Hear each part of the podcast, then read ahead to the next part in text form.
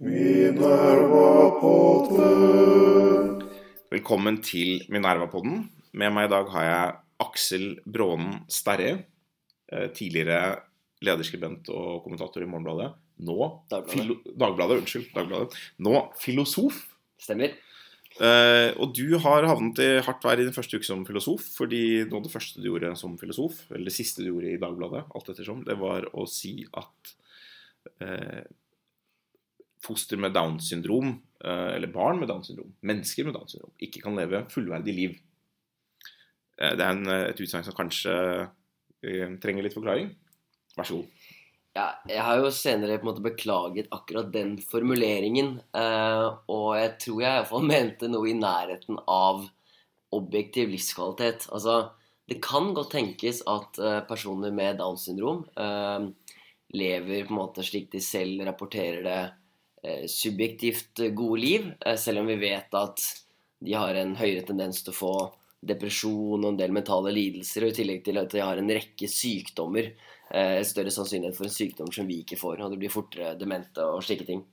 Men det jeg tenker meg, er at jeg bare ser for meg mitt eget liv, og så tenker jeg hvis jeg skulle fått Downs syndrom, så ville på en måte det vært noe av det verste jeg kunne fått. Altså det ville gjort eh, Alle de tingene jeg syns er viktige i livet mitt, ville på en måte vært borte, da. Og jeg har blitt litt misforstått, for jeg prøver å sånn si sånn Hva er det ved et liv eh, med Downs syndrom som er på en måte dårligere? Og så begynner jeg litt å kave med sånn Ja, det har noe med sånn kognitive evner og sånn, så høres det ut som jeg er på en måte sånn Immanuel Kant og snakker om den rene fornuft, eller at jeg bare er sånn hengt opp i IQ. Men mitt poeng er mer sånn det selvstyrende liv, altså muligheten min til å leve det livet jeg vil, eh, ikke være fullstendig avhengig av andre mennesker. Det er på en måte det jeg vil fram til, og, og der tror jeg det egentlig er ganske ukontroversielt å si at de fleste ikke ønsker et liv for seg selv med Downs syndrom, heller ikke ønsker det for barna sine. Nå skal vi ikke gå inn i en lang debatten om eh, selvstyrte liv og fri viljen, illusjon og, Ja, ja, ja. sånn, men, men jeg tror du har rett i at de aller fleste foreldre ønsker ikke, hvis de kunne velge å få barn med Downs syndrom. Eh, Det er sikkert helt riktig, men dette dukker jo da selvfølgelig opp i konteksten abort og abortloven, og, og hvordan vi tenker om abortvalg. Eh, Fordi argumentene for en mer restriktiv syn på abort generelt er jo knyttet til fosterets eh, menneskeverd. Uh, og det er jo i denne sammenhengen på at dette med fullverdig liv er blitt uh, sett. Da? At, du, at, du, at du bruker det som et argument for hvorfor abort av barn med Downs syndrom er akseptabelt, eventuelt ekstra akseptabelt. Mm. Eller ekstra forståelig. Uh, og det er, det er vel vanskelig å, å si at det er måte, ekstra forståelig uten at man på en eller annen måte uh, lar det ha konsekvenser hvordan man tenker om menneskeverdet, eller er det ikke det? Jo, og det er det her jeg på en måte føler meg litt sånn misforstått. Fordi jeg, jeg prøver på å ta på alvor det jeg anser som eh, de som er tilhengere av å f.eks. fjerne abortlovens paragraf 2c, som gjør det mulig å ta abort utover uke 12 eh, hvis du får vite at barnet har Downs syndrom. Mm. Eh, og et av argumentene der, som spesielt da Morten Magelsen eh, sier til Minerva, sier han eh, problemet med den eh, loven i dag er at den sender et signal til de med Downs syndrom om at eh, de har et verdi eller et liv av moralsk mindre verdi. Mm. Og så er jeg på en måte, prøver jeg å ta på alvor den der signaleffekten, for hvis det faktisk var slik da, at vi både hadde et lovverk og det at vi på en måte i det hele tatt selekterer på Downs syndrom, det sender jo kan godt hende det nettopp sender et signal til de med Downs syndrom og deres pårørende Mm. om at eh, nei, dette her er noe et liv som er mindre verdt. Mm. Og da spør jeg meg sånn Det er jo en kostnad. Mm. Eh, er det, kan vi likevel forsvare det? At Mm. vi eh, Altså at vi har egne regler for å selektere dem. Mm. Og så på en måte går jeg den omveien, så sier jeg på en måte Ja, fordi jeg vil jo mene f.eks. når det kommer til homofili, altså hvis det var mulig å selektere på homofili, så Mm. ville jeg ønsket å ikke gi kvinner den informasjonen. Mm. Fordi det er ingenting ved det å være homofil, selv i et intolerant samfunn, som gjør at det livet er på en måte iboende sett begrenset. Det er bare samfunnets uh, kjiphet, dårlig behandling av de menneskene, som gjør at det livet er mindre verdt å leve. Og hvis det samme gjaldt for Downs syndrom, at det bare var snakk om at de trengte å bli mer tolerante, mindre diskriminerende, gi dem mer ressurser for at de kunne leve gode liv, så gjelder på en måte det samme argumentet der, at vi burde kanskje tilbakeholde den informasjonen til de kvinnene. Men så da, ikke sant, og når jeg har gått den omveien der, så prøver jeg å si nei, det er faktisk noe iboende i det å ha Downs syndrom som eh, gjør at det livet er begrenset. Og da gjelder ikke det samme argumentet som jeg mente gjaldt for homofile, homofile for der jeg, Men da knytter du jo til eh, menneskeverd i en viss forstand, eh, eller i en klar forstand egentlig, men, men i, den, i den forstand at menneskeverdet blir på en måte en litt sånn aristotelisk størrelse hos deg. Da, altså at det er hva er, det, hva er menneskets natur? Egenart? Jo, det er å være på en måte autonom eller selvstyrt eh, og i en eller annen forstand et eh, intellektuelt vesen. Eller altså den, en type egenskaper som du ser for deg da at mennesker med Downs syndrom har mindre av. Mens et, eh, et annet menneskeverdskonsept ville, eh, ville kanskje vurdere det annerledes. da. Og Det handler ikke bare om hvilket liv du kan realisere, men også om hvordan vi som menneskehet eh, beskytter også svakt liv, f.eks. Men vi vil bare tilbake til en ting. For en ting er om du hadde sagt på en måte eksplisitt at eh, disse menneskene faller utenfor vårt uh, menneskeverdsbegrep, men, og det skal vi kanskje diskutere litt mer, men, men eh, du Et argument for deg her er jo også at dette skjer eh, tidlig. At, eh, altså hadde du, du er jo ikke for å drepe mennesker med downs, for å si det, for å si det veldig enkelt. Altså, det er ikke sånn at de, de ikke, etter at de er født, så omfattes de av det vanlige, fulle menneskeverdsbegrepet. Mm. Komplekst og komplisert som det er. Mm. Eh, Men du snakker om før, i hvert fall inntil 20 uker, så, så må jo all abort være greit, sier du. Og da, er jo, og da spesielt uh, downs. Det må jo da være spesielt forståelig gitt at det har disse ekstra utfordringene. Og så er du veldig opptatt av at man ikke skal sende noe dårlig signal til kvinner. Du er mer opptatt av det enn at man ikke skal sende et dårlig signal til downs. Viktig å sende et signal til kvinner om at dette er helt OK, så ikke de føler seg belastet. ja, begge deler er viktig, syns jeg. da. Men, Ja, du legger, konklusjonen legger noe mer vekt på det siste. Ja. Men, men altså, hvis vi går tilbake til dette med disse 20 ukene det er eh, Det virker som du tillegger ethvert foster under 20 uker eh, veldig liten betydning. Ja. Og det er et av premissene for at du såpass enkelt kan komme til at ja, da er jo et liv som har potensielle utfordringer, eh, som er objektive, eh, det må da være spesielt godt grunnlag for å bortselektere det. Ja. Eh, Si litt mer om det. Er det sånn at et foster frem til 20 uker har, det tillegger du ingen verdi? Ja, i hvert fall um, Dette har jeg på en måte prøvd å, å, tenke, tenke litt på. En, en på en måte finte kan det bare være å si sånn eh, Nei, vi har eh, selvbestemt abort innenfor uke 12 i dag. Det betyr at vi tillegger dem ingen verdi. Eh, og så kan vi spørre derifra er det noen eh, ting som skjer fra uke 12 til uke 20 som er så vesentlige at vi burde da tenke annerledes om uke 20 enn uke 12.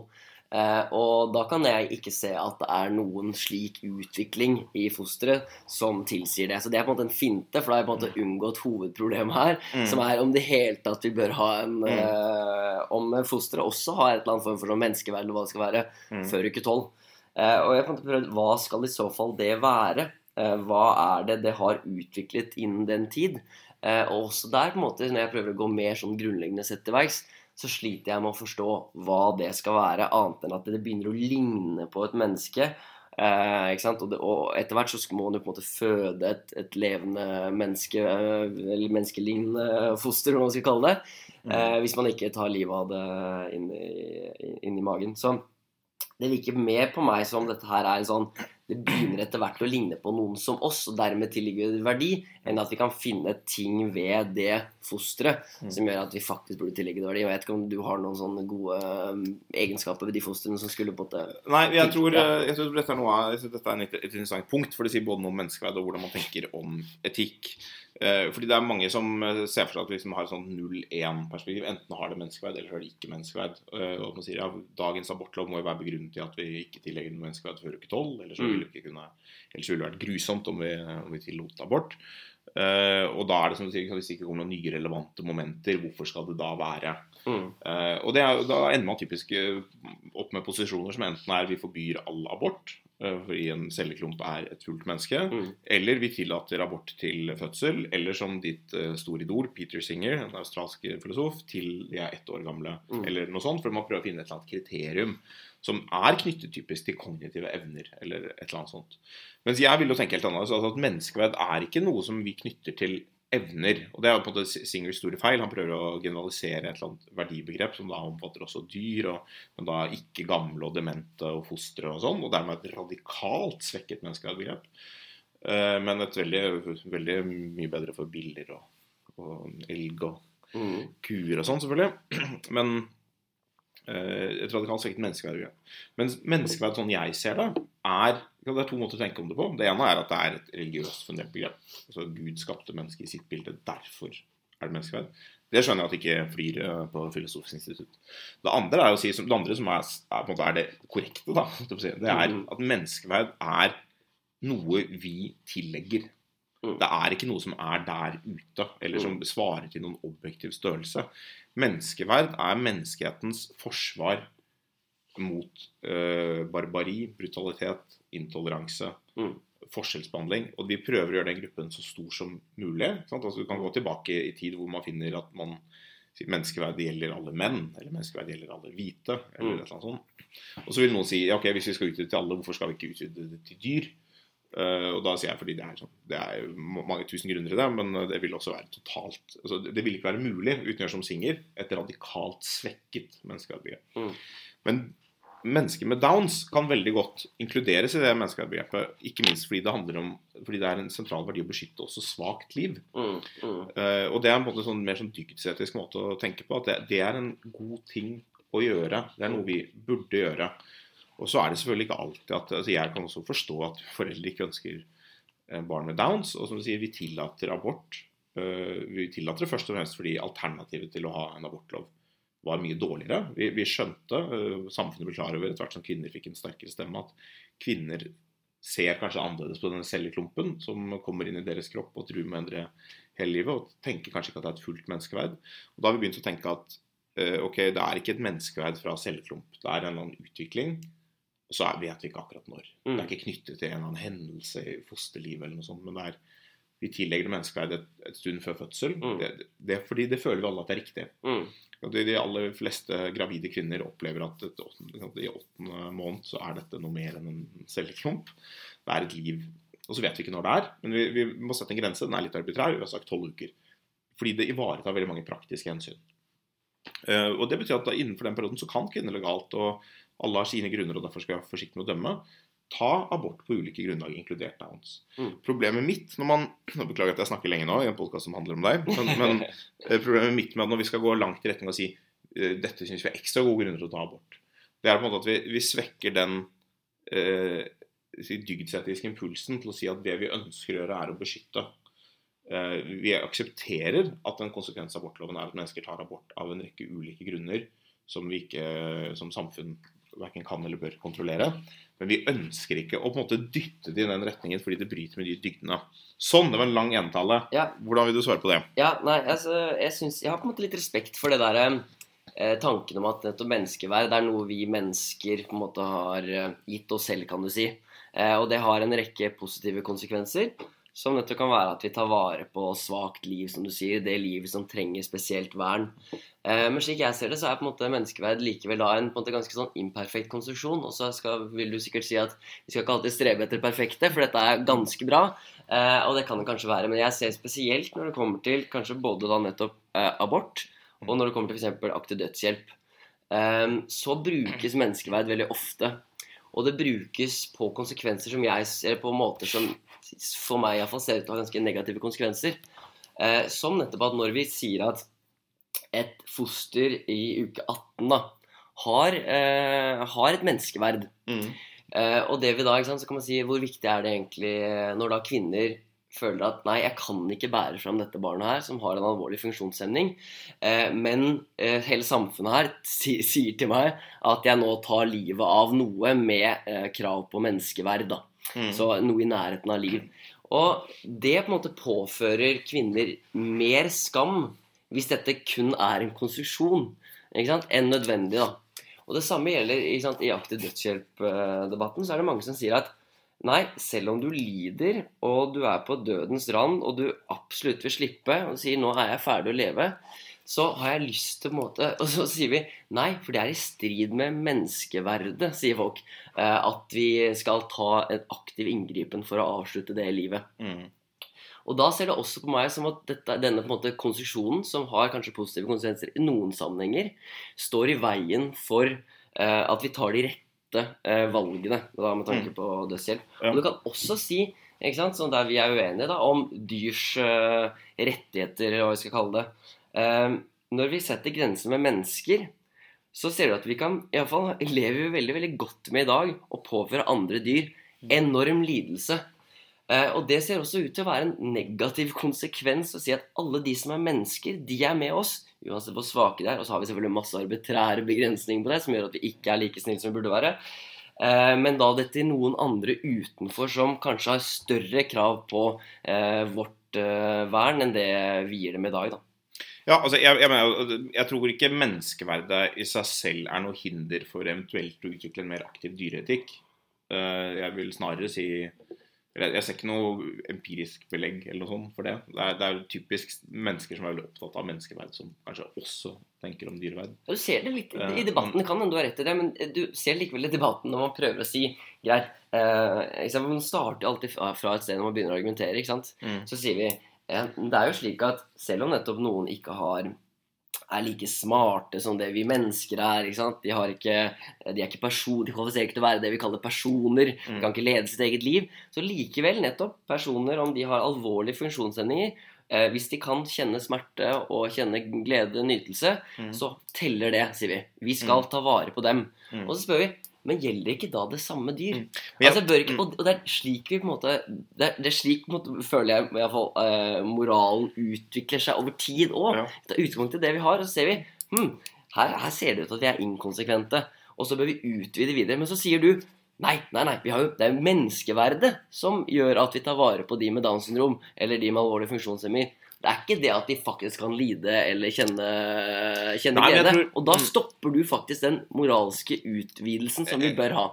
Ja, det, kanskje jeg gjør det. Jeg er nok mye mm, mindre sikker på at vi har en moralsk utvikling hele tiden over tid. Altså Av og til har det er perioder hvor hvor ting går fremover slik jeg ser det. Eh, men det er ikke, jeg vet ikke om det er en sånn lineær fortelling fra oldtiden og frem til Nei, vi må kjempe det konservative hvert eneste, hver eneste korsvei. ikke sant? Ja, så det må bekjempe at det er sant. Men, men uh, altså det, dette med kriterier for menneskeverd Det er ikke det at jeg tror at det er liksom helt irrelevant med lidelse eller forståelse for sin egen fremtidige interesse i sitt eget liv. Det er relevante momenter. Det jeg blir redd for, er at vi på en måte tror at vi ja, nå har vi funnet kriteriene. Det, mm. Menneskeverd er det tilsvarer noen kriterier. Mm. Altså, som om det var noe på en måte reelt eksisterende, og ikke noe som vi har uh, tillagt mennesker.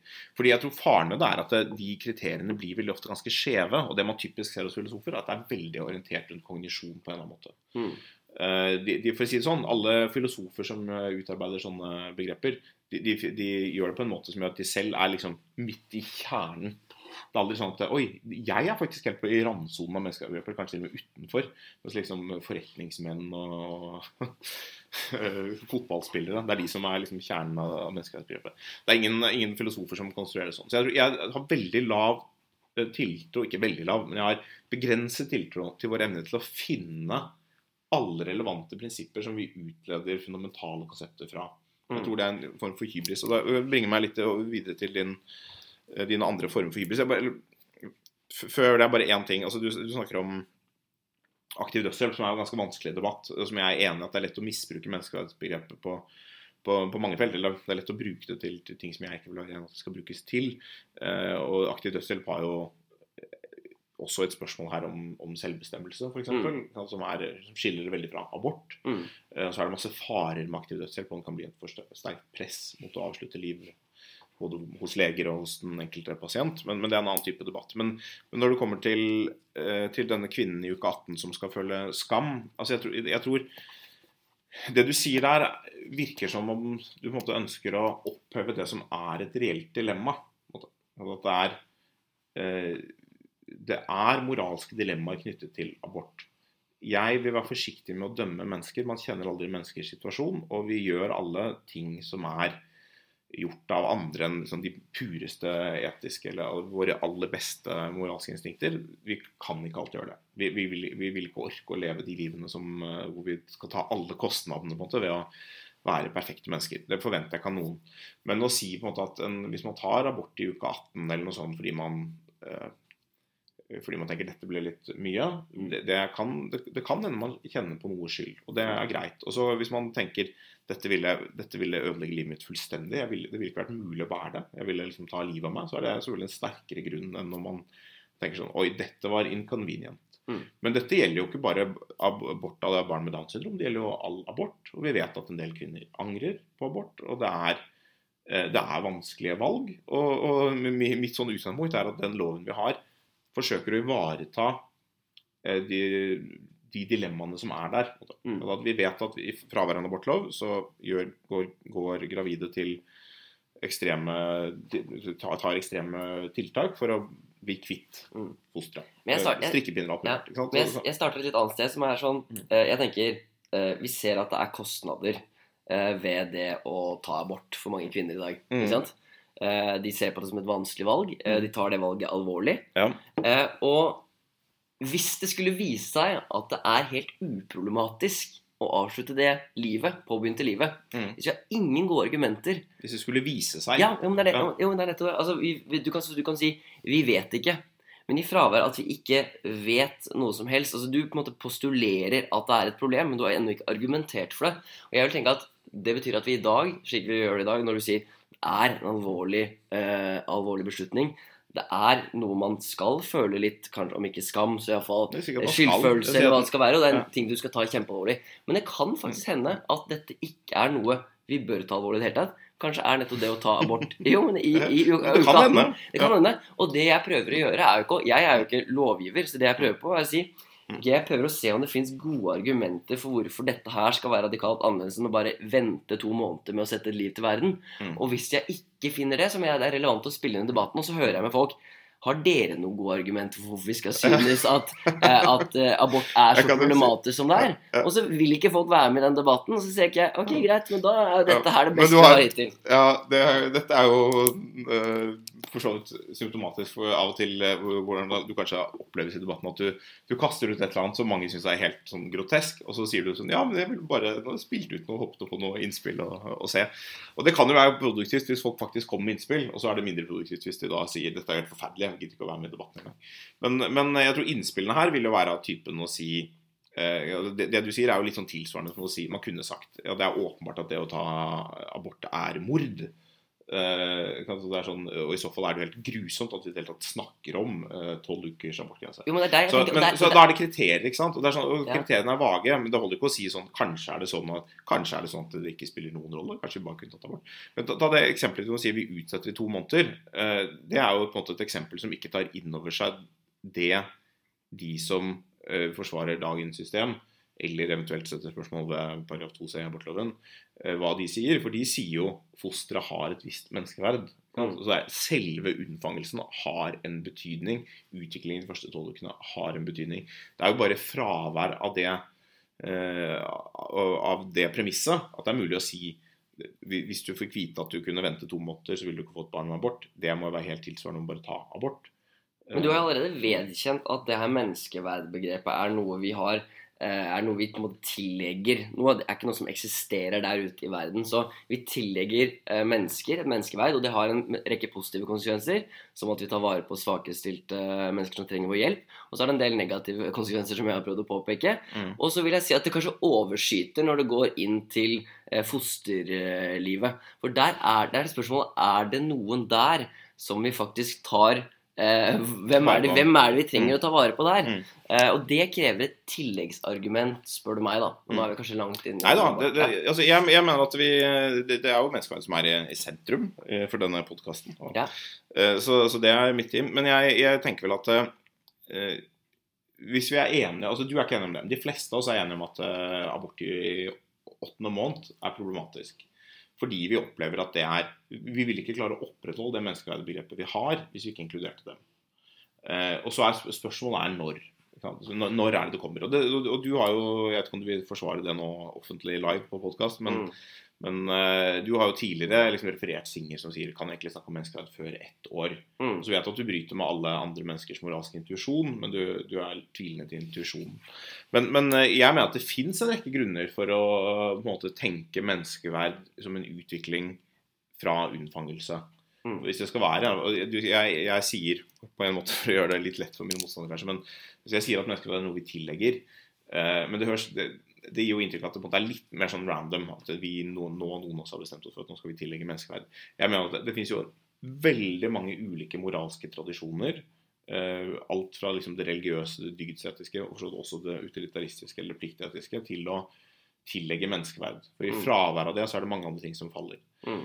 Eh, men, men at, det liksom, at det ikke er den uendelige sannheten åpenbart i universet, det kan jeg være enig i. Da må man anlegge et religiøst standpunkt. Eh, men, men det betyr ikke at det liksom er tilfeldig, og det betyr ikke at det er helt random hvor man grenser. Man kunne selvfølgelig sagt man, man kunne sagt for å gjøre det lettere for folk som abortere downs, så begynner menneskeverdet i uke 26. liksom. Man kunne selvfølgelig sagt noe sånn, Ja. men, men du ville bare skape andre nye avgrensningsproblemer. Eh, og for meg er det ikke, det er ikke sånn at menneskeverdet er uh, forståelsen av det er ikke noe som er liksom støpt i sten, og som er uh, åpenbart hvordan det skal være. Men, men jeg vil være kritisk til å flytte det i en retning som bryter med noen av de dygdene som ligger under. F.eks. å beskytte svakt liv. Det betyr ikke at jeg ikke ser de problemene du reiser. Men bare litt tilbake, Nå skal vi gå inn for landing her snart. Men nå snakkes det om dette med intuisjon og, og Singer som snakker om at eh, kriteriene for mennesker er tilsatt at vi like gjerne kunne tatt livet av nyfødte fordi de ikke har de, den interessen i sitt eget liv. Og sånn. Og det er noe man gjorde tidligere. ikke sant? Altså, Moralen endrer seg over tid. I gamle dager satte man ut barn hvis man fikk for mange og var desperat og sånn. Det kan man jo forstå Mm. en sånn posisjon. Men, men du, du snakker om eh, eh, om menneskets intuisjon, og da sier du eh, Intuisjonene våre er utro tjenere. Eh, og du sier at eh, fortiden å la fortidens generasjoner avgjøre hva som er rett og galt, det er en farlig vei å gå. Mm. Er det, Si litt mer om det. Ja, altså, et sånn kremargument er jo på en måte måten vi har eh, behandlet homofile, sett på homofile. Så det virker som vi har på en måte en eh, Vi har en magefølelse, en Mm. i mange mange kulturer om at homofili er galt. Mm. Og vi har behandlet homofili som en eh, sykdom, eh, og vi har forbudt det og straffet det og, og, og så videre. Og så er spørsmålet eh, hvorfor gjorde vi det? Ja, nettopp det var fordi det, det følte vi var Mm. galt. Det var, eh, det var noe vi virkelig mente. Det, det føler vi direkte. Og da er det spørsmålet kan vi bruke den, sånne type intuisjoner i andre sammenhenger. Mm. Så selv om det da, når det kommer til det med spedbarnsdrap, da, så er det bare en måte utgangspunktet er sånn Ja, det virker jo på meg også helt for jævlig eh, om vi skulle på en måte tatt livet av et eh, barn på seks måneder. Mm. Det på en måte stritter imot alt jeg tenker er riktig og galt. Men så Eh, tenk deg om, så er du enig med vikingene, som jo gjorde dette. Ja, men det er ikke det nødvendigvis, nødvendigvis. trenger ikke gå helt dit Mm. ennå. Men det det jeg bare tenker er at vi bør være forsiktige med å tillegge da den intuisjonen, den veldig sterke intuisjonen, Mm. altfor mye vekt. Vi må i så fall starte med den. Og så må vi tenke hm, har, jeg, har vi gode grunner eh, for å eh, tillegge den intuisjonen vekt? Vi hadde ikke det når det kom til homofi homofili. Mm. Det har vi heldigvis forstått. Har vi det når det kommer til eh, Og det i enkelte tilfeller avslutte et liv. Eh, så for eksempel, du føder et barn som har en virkelig alvorlig alvorlig av funksjonshemming. Vi snakker mye, mye verre enn Downs syndrom. Det Mm. livet kommer kanskje til å vare i fem, eh, seks, syv år. Med Mm. masse lidelse, eh, masse helsehjelp, tar opp masse ressurser av samfunnet. Det er bare en liten ting av det. Og foreldrene må selvfølgelig kutte ut alt det de gjør, og endre alle sine livsplaner. Er vi si- virkelig i den situasjonen der? Mm. Er det Og vi skal da ha et eh, fullstendig vern mot eh, drap, som vi er eh, Og det er en god på en måte åpenbart det å ha en sterk tabu mot å drepe. Det er en bra ting, ingen tvil om det. Mm. Men i det konkrete tilfellet der kan det da aldri forsvare seg fordi dette her føles galt, eller fordi dette er i strid med menneskeverdet. Det er jeg ikke så sikker på. Mm. Altså, det, og, det, og det kan jo si, før jeg bare latterliggjør det, altså det er, dette er en problemstilling som eh, kan bli mer aktuell pga. medisin. For, altså, det er flere og flere som kan bli holdt i live. Mm. Tidligere så ville all, nesten alle barn av den typen som du snakker om her, ville dø veldig veldig raskt. Men det interessante her, la meg legge til bare en liten ting. For det interessante er at vi fortsatt i dag, men har tradisjonelt gjort, er at vi lar dem dø. Mm. Ikke sant? Når noen vi måte har bare en Mm. implisitt forståelse at dette livet her er ikke verdt å leve, men siden vi har et tabu mot å drepe, Mm. Så lar vi heller en Så hvis de får en sykdom som vi ellers lett kunne kurere, så lar vi dem bare dø av den underliggende sykdommen, og så tror vi det er greit. Mm. Men jeg syns jo det er ganske perverst, og vi burde heller være åpne om at noen liv mener vi nettopp nei, det her er ikke verdt å leve, og da bør vi heller i så fall avslutte det på en så human og lidelsesfri måte og effektiv måte som overhodet mulig. Ja, eh, det, jeg forstår? Fordi, for du, er veldig utilitarist og har veldig lite, eh, legger veldig lite vekt på den eh, hvordan det kan hjelpe oss å bli gode mennesker. eh, hva slags handlinger vi gjør. Eh, og jeg, det er sånn eh, forskjell på din tilnærming tror jeg, og min tilnærming. At du vil ofte spørre hva er rett? Og, så prøve å finne noen kriterier, og så lage lange utledninger og dedusere og finne at dette er det som er rett. Mens jeg vil ofte spørre hvordan, hvordan kan vi handle på den måten som vi vet er rett? Altså Gitt at vi i de fleste tilfeller så vet vi hva som er rett. Det er ikke alt vi gjør det. ikke sant? Så Multihandikappede barn som vi kan holde i live, det er sånn vanskelig Da må vi finne ut hva som er rett. Men jeg Det er opplever at, det, jeg opplever at Men- dere gir, det, er, det er på en måte illusjonen av å gjøre det rette. Mm. For liksom, I Men- dette, sånn, dette ja, konkrete tilfellet så er det nettopp det at det er jo ikke Nei, rettere nei, nei, nei, men la Ja. meg, la meg snakke ferdig. Altså, for jeg er enig at Noen ganger er det vanskelig å vite hva som er rett. Mm. Og dette er et eksempel på hvor man kan stille sånne spørsmål. Men det normale i livet er at vi tror vi har en god idé om hva som er rett, og vi vil ikke endre et standpunkt selv om vi hadde Mm. liksom, forsket nøye på det. Men det kan være vanskelig å gjøre det. Altså Vi vil ikke gjøre det som er rett. og det er jo, ikke sant? Du er den sokratiske som sier 'den som vet det rette, gjør det rette'. Jeg er den eh, mer bibelsk anlagte som sier 'det gode som jeg vil, det gjør jeg ikke'. 'Det onde som jeg ikke vil, det gjør jeg'. Eh, Og da er spørsmålet hvordan kan vi lære oss å gjøre det som er godt? Og et klassisk svar fra filosofien tilbake til Aristoteles er dygdene. Eh, Og for å kunne gjøre det som er godt, så må vi ha noen eh, måter å handle på som vi følger. Og hvis vi på en måte i møte med eh, vanskelige situasjoner liksom for ofte velger å si ok, i stedet for å opprettholde liksom, dygden om å ta vare på svake liv, så skal vi klinisk og humant uh, eradikere disse menneskene. Det, det høres det? Det, er en, det er en veldig annen tilnærming. Jeg sier ikke at det dermed alltid er galt. Mm. Det kan være riktig. Eh, Men jeg sier at det det er et veldig viktig hensyn som jeg kanskje opplever at du ikke liksom legger så stor vekt på da, som en, som en selvstendig moment. Og, og det er litt det samme med disse sant, intuisjonene og fortidens generasjoners moral og sånn. At du sier at det er et utgangspunkt, jeg, får, og, jeg er enig at er, fortiden har ment mange ting som vi i dag mener er gale. Vi må være i stand til å endre fortidens moral. Eh, Det konservative poenget vil jo være hvilke innsikter var det som lå, lå i dette? Eh, og hva er det eventuelt Altså at man virkelig går runder med seg selv og prøver å skjønne hva som var årsaken til den intuisjonen. Og så kan den være gal, og så kan man forkaste den. Mm. Men, men jeg får litt inntrykk av at du kanskje syns det er litt gøy å forkaste den. At det er litt gøy i din greie av filosofien å komme sånn Å, dette høres veldig kontraintuitivt ut. Veldig spennende. Her er et mulig paper. Dette kan jeg få publisert. Dette er bra. Ja, det kan godt hende at det er deler av motivasjonen eh, både hos meg og andre. Eh, Men det betyr jo ikke at altså, Det som jeg, slik jeg ser den offentlige debatten, Mm. er at det er for få eh, som stiller spørsmål ved de sannheter, eller de tingene vi tar Mm. for gitt. Så alle, selv de mest radikale kvinnesaksforkjemperne, aksepterer på en måte selvbestemt abort i uke tolv, og så stiller de ikke spørsmål ved det. Mm. Eh, så jeg tenker jo at eh, vi har nettopp for få som sier dette er regler vi lever etter i dag. Er dette virkelig sånn vi bør leve? Og eh, det ser ut som ditt måte, hovedargument mot, uh, mot min posisjon er jo både at den nettopp tar kanskje for lett på en del av den visdommen som ligger i, ligger i kulturen. Og det kan godt hende du har et poeng der.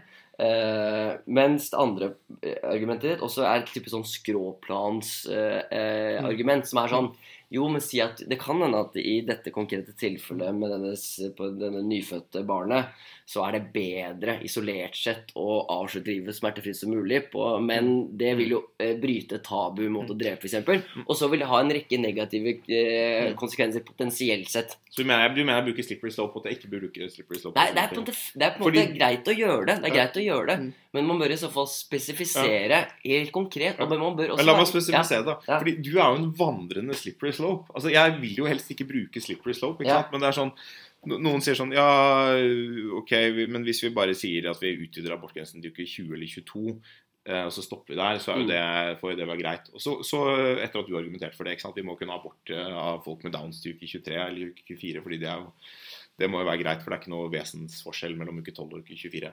Og så sier, du, og så sier folk OK, la oss gjøre det, Aksel. Det var et, det var et godt forslag. Og så, Ja. så kommer du uken etter og sier jeg har tenkt litt på spedbarnsdrap. og da har, jeg tenkt på, da har jeg tenkt på folk som er veldig multihandikappet og kan ha vanskelige situasjoner. Og så sier folk OK, det er gode argumenter, Aksel. Vi gjør det også. Mm. Og så kommer du uken etter og så sier du Nå har jeg lest Peter Singer, og han sier at egentlig inntil ett år så må foreldrenes uh, kunne, behov vektlegges sterkere Mm. enn barnets behov. Mm. Eh, og det finnes egentlig ikke veldig sterke argumenter mot det. Og det har du ikke heller. Ikke? Når du Nei, skriver om dette her, så enig. sier du ikke det i seg selv er galt, men du sier at det, det ville veldig sjelden skje. Og folk har, foreldre har en Og egeninteresse. er andre hensyn Ja, og som- når de ikke har det, så kan de adopteres bort og sånn. Men det er ikke noe vanskelig å finne. Du kan alltid finne noen tilfeller hvor det der ikke vil applisere. Du vil helt, og du måtte konkludere da Selvfølgelig kan vi drepe en ettåring når foreldrene ikke gidder lenger, liksom. Ja. At det er sånn Du er den slippery slopen Eh, som gjør ja. at, jeg, at jeg er nødt til å sette foten ned på første. Ok, ja. Men da vil jeg mm, både argumentere for at sant, det er både en, Man kan skille mellom to typer sånn slippery slope, skråplanseffekter. Uh, En er på en måte den logiske. Uh, At det er sånn Hvis du har ment dette her, så må du også mene dette her, for det er n- tilnærmet likt. Det er de samme begrunnelser som gjelder i dette tilfellet her. Mm. Eh, og så er det en annen som er på en måte en Og den er, burde vi egentlig ikke være redd for, den logiske.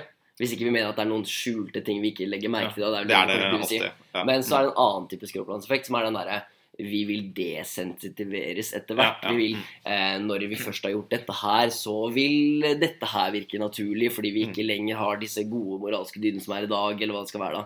Mm. Så Det også er på en måte mulig å si.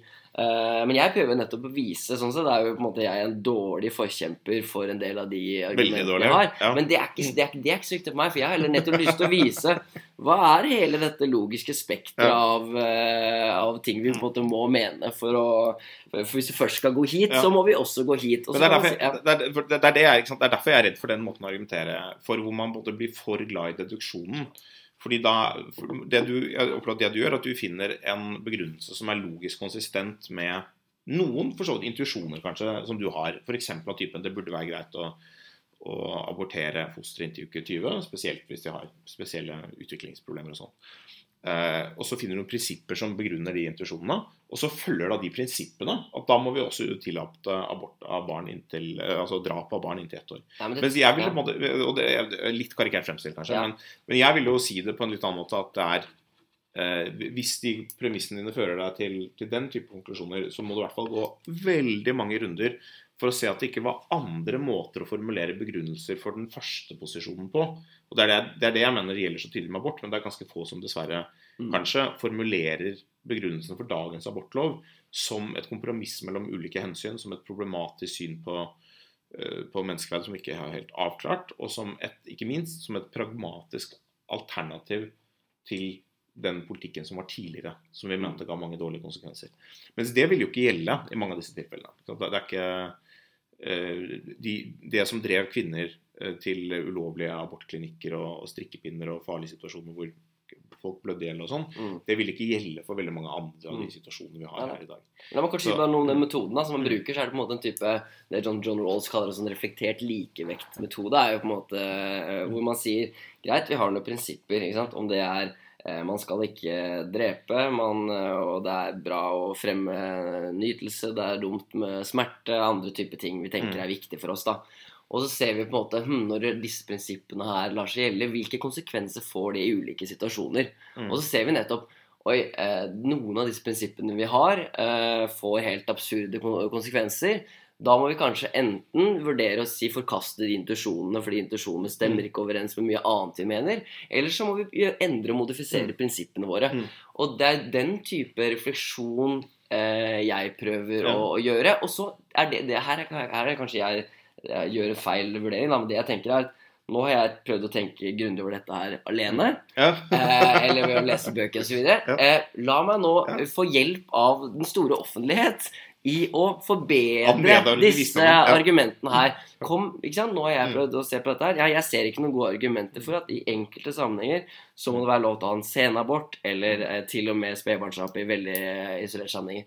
Og så ber jeg eh, deg komme med noen gode argumenter mot. Ok, hva er det jeg går glipp av her? Og så Mm. Ja. sier folk bare, inkludert du, nei, dette her er i strid med menneskeverdet, eller hva det Jeg skal prøver å være. grunne hvorfor det er problematisk. Men, det, men det er sånn jeg føler den Ja. kunnskaps... Uh, det er sånn vi blir smartere, og det er sånn vi får til Og det er sånn vi får den moralske utvidelsen vi trenger, da. Mm. Du får jo starte en debatt, da. Altså, selv om noen av svarene er litt krasse. Sånn er jo den offentlige debatten. Men det, det er noe, du er nå her på podkasten i hvert fall og snakker om det.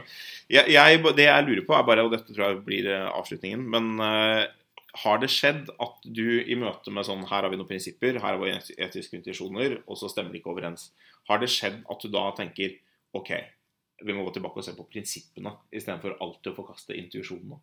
Ja, ja. Altså, Ja. Mange, det er mange ganger. Ok, altså, Så du har enda mer crazy prinsipper der, eller konklusjoner der ute som du ikke har stått frem med i offentligheten? Nei, men det er mer sånn, Jeg blir jo kalt uh, utilitarist titt og ofte, men Mm. uh, jeg er usikker på uh, ikke sant, Avhengig alltid på det, hvor, hvordan er det du bruker moralfilosofien din. da, Hvor er det den passer inn egentlig? Skal den, Er f.eks. utilitarismen en teori som tilsier at vi skal maksimere nytte over masse generasjoner, eh, nettopp alle arter? Mm. Eller er, sier den noe om hva jeg bør gjøre i mitt liv eh, Mm. til enhver tid? Og der er jeg langt på vei for eksempel, enig med deg at eh, kanskje det å kultivere visse dyder er lurt. Fordi jeg tror ikke, som du på en måte karikerte meg i stad, om at bare man vet det rette, så gjør man det rette. Nei. Det gjelder jo meg òg. Jeg ja. mener jo, jeg er overbevist om at jeg burde gi mye mer av min inntekt Ja. for å redusere fattigdom og lidelse i verden. Og jeg burde vært enda strengere, jeg er vegetarianer, men jeg burde garantert vært veganer også. Eh, men jeg syns det er vanskelig, og det er akkurat som å slite med å gå på trening. Så vi trenger hjelp av til og med kanskje religion, altså det kan være sånne ting. Eh, nettopp også vaner som vi får inn i oss gjennom at vi skammer oss hvis vi ikke gjør dette og dette. Mm. Så vi bør kultivere dyder. Men det jeg syns, hvis jeg kan liksom slenge det tilbake, da, er Mm. at sånn som jeg hørte eh, Torbjørn Røe Isaksen, din tidligere kollega her i Minerva, Mm. eh, han eh, kommenterte effektiv altruisme på radioen. Mm. Og da sa han nei, det vesentlige skal du være et dydig og godt menneske. Det er å gi. Det viktigste er ikke hvor effektivt du gir. Mm. Det er på en måte en sånn type fetisjering. Liksom. Det er ekstrem utilitarisme og sånt noe. Ja. Og da mener jeg sånn Noen Det reflekterer ikke mitt syn. Nei, det, og det vet jeg. Men noen ganger så blir den derre type dydsetiske tankegangen og den derre eh, Litt som du sa i sted med menneskeverdet i stad, men det er liksom en illusjon om at vi gjør det riktige. Blir Ja. på en måte også en hvilepute. Mens jeg vil jo Mm. si heller at den derre effektiv altruisme, utilitarismen, eh, hvor målet er å virkelig fremme så mye glede og redusere så mye lidelse du kan i verden, gir virkelig en retning til liv. Da, og fyller litt av den rollen som jeg tror du også er ute etter. At vi er et litt sånn moraltomt rom i dagens samfunn, mener jeg. Det er altfor lite som motiverer et menneske til å være godt. Mm. Vi lever ganske Vi har så mange muligheter til å gjøre så mye bedre for de rundt oss og de vi ikke er i nærheten av i hele tatt. Og så lever vi helt sånn Vi lever skikkelig liv i synd. Det er skikkelig, skikkelig dårlig. De fleste mennesker lever relativt nært seg selv, eh, og det er jo for så vidt en synd. Det er kristendommen. Incurvatus est in se. Innkrøket i seg selv. Og det er veldig vanskelig å komme, eh, komme seg ut av. Jeg, jeg skjønner hva du mener, men jeg bare sier altså, min dygdsetikk handler jo ikke om at måte, vi skal fetisjisere dygder og ikke bry oss om konsekvenser. Men det er mer en, det er en måte å få hjelp til å tenke om konsekvenser i kontekst på. Enig. Enig. Eh, og da slutter vi rett og slett på den enigheten. Det kan vi gjøre. Takk for at du kom i studio. Hyggelig. Blås Sterrett. Minerva-podden.